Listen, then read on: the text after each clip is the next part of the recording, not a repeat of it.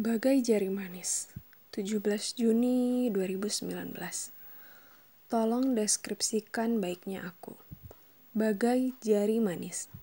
Konon, jari manis merupakan rumah dari kesepakatan.